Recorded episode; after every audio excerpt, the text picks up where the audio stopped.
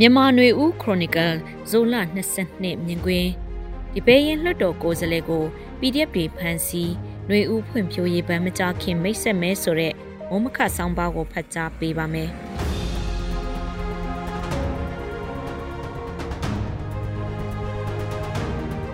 စကိုင်းတိုင်းဒီပဲရင်မြို့နယ်လွှတ်တော်ကိုယ်စားလှယ်ဦးဝင်းမြင့်အောင်ကိုဖကဖအဖွဲ့တစ်ဖွဲ့ကဖမ်းဆီးထားတယ်လို့သတင်းတွေထဲခုရက်ပိုင်းပေါ်ပြလာကြပါတယ်။ ရွှေဘိုထောင်မှာဖမ်းဆီးခံနေရတဲ့ညီဖြစ်သူကိုထောင်ဝင်စာတွားတွေ့ပြီးအပြန်မှာပကဖဘက်ကဖမ်းဆီးလိုက်တာလို့လဲသတင်းတွေမှာဖော်ပြထားကြပါတယ်။ဒီအဖြစ်ပြက်ဟာစစ်ကောင်စီကိုစန့်ကျင်တိုက်ခိုက်နေတဲ့လက်နက်ကင်အဖွဲ့တစ်ဖွဲ့က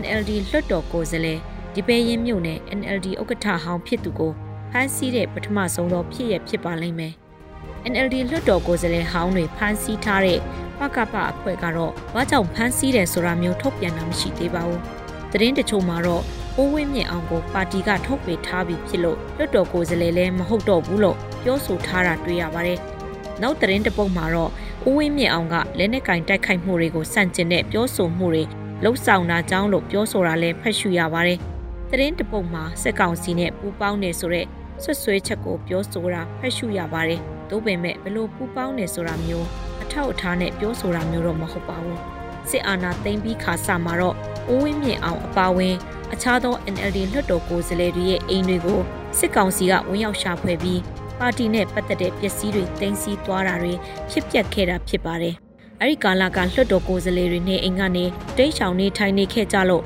ဖမ်းဆီးမခံခဲ့ကြရပေမဲ့ဇနီးသားနဲ့ညီဖြစ်သူကိုစစ်ကောင်စီကဖမ်းဆီးခဲ့တာဖြစ်ပါတယ်။နောက်ပိုင်းမှာဦးဝင်းမြင့်အောင်လည်းဖမ်းဆီးခံရပြီးနောက်ပြန်လည်လွတ်မြောက်လာတယ်လို့သတင်းဖော်ပြချက်တွေကသိရပါတယ်။အဲဒီနောက်ရမှန်နှစ်က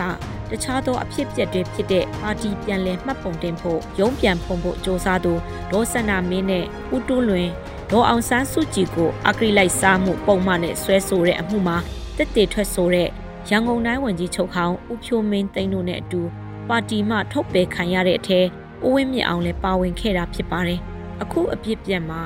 NLD အနေနဲ့လွှတ်တော်ကိုယ်စားလှယ်အဖြစ်ကနေ၎င်းတို့ထုတ်ပေးထားပြီးဖြစ်လို့မှတ်ချက်မပေးလို့တော့ဘူးလို့သတင်းမီဒီယာတွေကိုပြောဆိုတာလည်းတွေ့ရပါတယ်။ဖန်ဆီးထားတဲ့အဖွဲ့အနေနဲ့တော့တာဝန်ခံမှုရှိစွာနဲ့ဘာကြောင့်ဖန်ဆီးရတယ်ဘလို့စစ်ဆေးမင်းမြတ်မှုတွေပြုလုပ်နေတယ်ဘလို့ဥပဒေတော့မဟုတ်စီမင်းစည်းကမ်းတွေနဲ့အညီအရေးယူမလဲဆိုတာတွေကိုအတိပေးထုတ်ပြန်ဖို့လိုအပ်မှာဖြစ်ပါတယ်။စစ်ကောင်စီနဲ့ပူးပေါင်းနေဆိုတဲ့ရေဘူးရဆန်စွာ ဆွဲချက်မျိုးနဲ့ပြောဆိုတာထက်တိကျတဲ့အထောက်အထားအကျိုးအကြောင်းနဲ့ထုတ်ဖော်ပြောဆိုဖို့လိုအပ်မှာဖြစ်ပါတယ်။ပါတီမြို့နယ်ဥက္ကဋ္ဌဟောင်းနဲ့လွှတ်တော်ကိုယ်စားလှယ်ဟောင်းတို့ကိုဖမ်းဆီးလိုက်ခြင်းက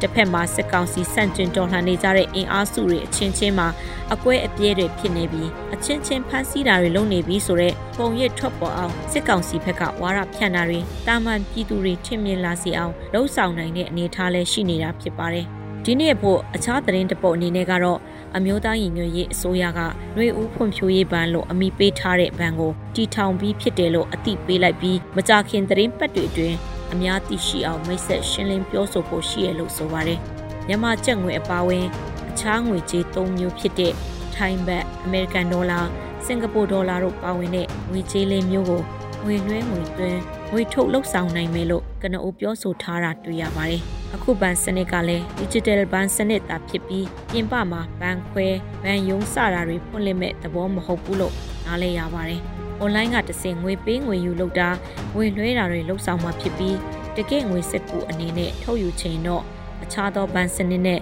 ဘယ်လိုချိတ်ဆက်လုပ်လို့မလဲဆိုတဲ့အသေးစိတ်မေးခွန်းတွေရှိနေအောင်မှာဖြစ်ပြီးလောလောဆယ်တော့ထုတ်ဖော်ပြောဆိုတာမရှိသေးပါဘူး။အခုလိုຫນွေဦးဖွံ့ဖြိုးရေးဘဏ်ဖွင့်လှစ်မဲလို့မကြေညာခင် NUG အနေနဲ့ဗဟိုဘဏ်ထူထောင်မဲဆိုတဲ့ထုတ်ဖော်ပြောဆိုမှုမျိုးရှိခဲ့ပြီးဗဟိုဘဏ်ထူထောင်ပြီးနောက်မှာဘဏ်လုပ်ငန်းလိုင်စင်ချထားပေးတာမျိုးတွေလှုပ်ဆောင်မယ်လို့လည်းပြောဆိုခဲ့ပူပါတယ်။အဲဒီနောက်ဗဟိုဘဏ်ထူထောင်တာထက် လက်တွေ့မှာ online ငွေကြေးအပေးအယူအလွှဲအပြောင်းလှုပ်ဆောင်နိုင်မဲ့ဘဏ်ဝင်ဆောင်မှုကိုစတင်လှုပ်ဆောင်လိုက်တာဖြစ်ပါတယ်။အရင်နှစ်တွေကလေးကစတင်ခဲ့တဲ့ NUG ပေးစနစ်လဲလက်ပတ်သုံးဆွဲသူတွေရှိနေတာဖြစ်ပြီးပြည်တွင်းထက်ပြည်ပရောက်မြန်မာတွေအကြားမှာသုံးဆွဲနေကြတာဖြစ်ပါတယ်။ SPB လို့အတူကောက်ခေါ်ဆိုတဲ့မျိုးဖွံ့ဖြိုးရေးဘဏ်ကနိုင်ငံတကာငွေကြေးစနစ်တွေနဲ့တနည်းအားဖြင့် online ပေါ်ကဂိမ်းကနန်းတွေကိုလက်တွေ့ငွေသားငွေစည်းတွေနဲ့ဘယ်လိုချိတ်ဆက်လှုပ်ဆောင်နိုင်မလဲဆိုတာတော့မကြခင်မိတ်ဆက်တဲ့အချိန်ကြရင်အသေးစိတ်ထုတ်ဖော်ပြောဆိုလိမ့်မယ်လို့ယူဆရပါတယ်ရှင်။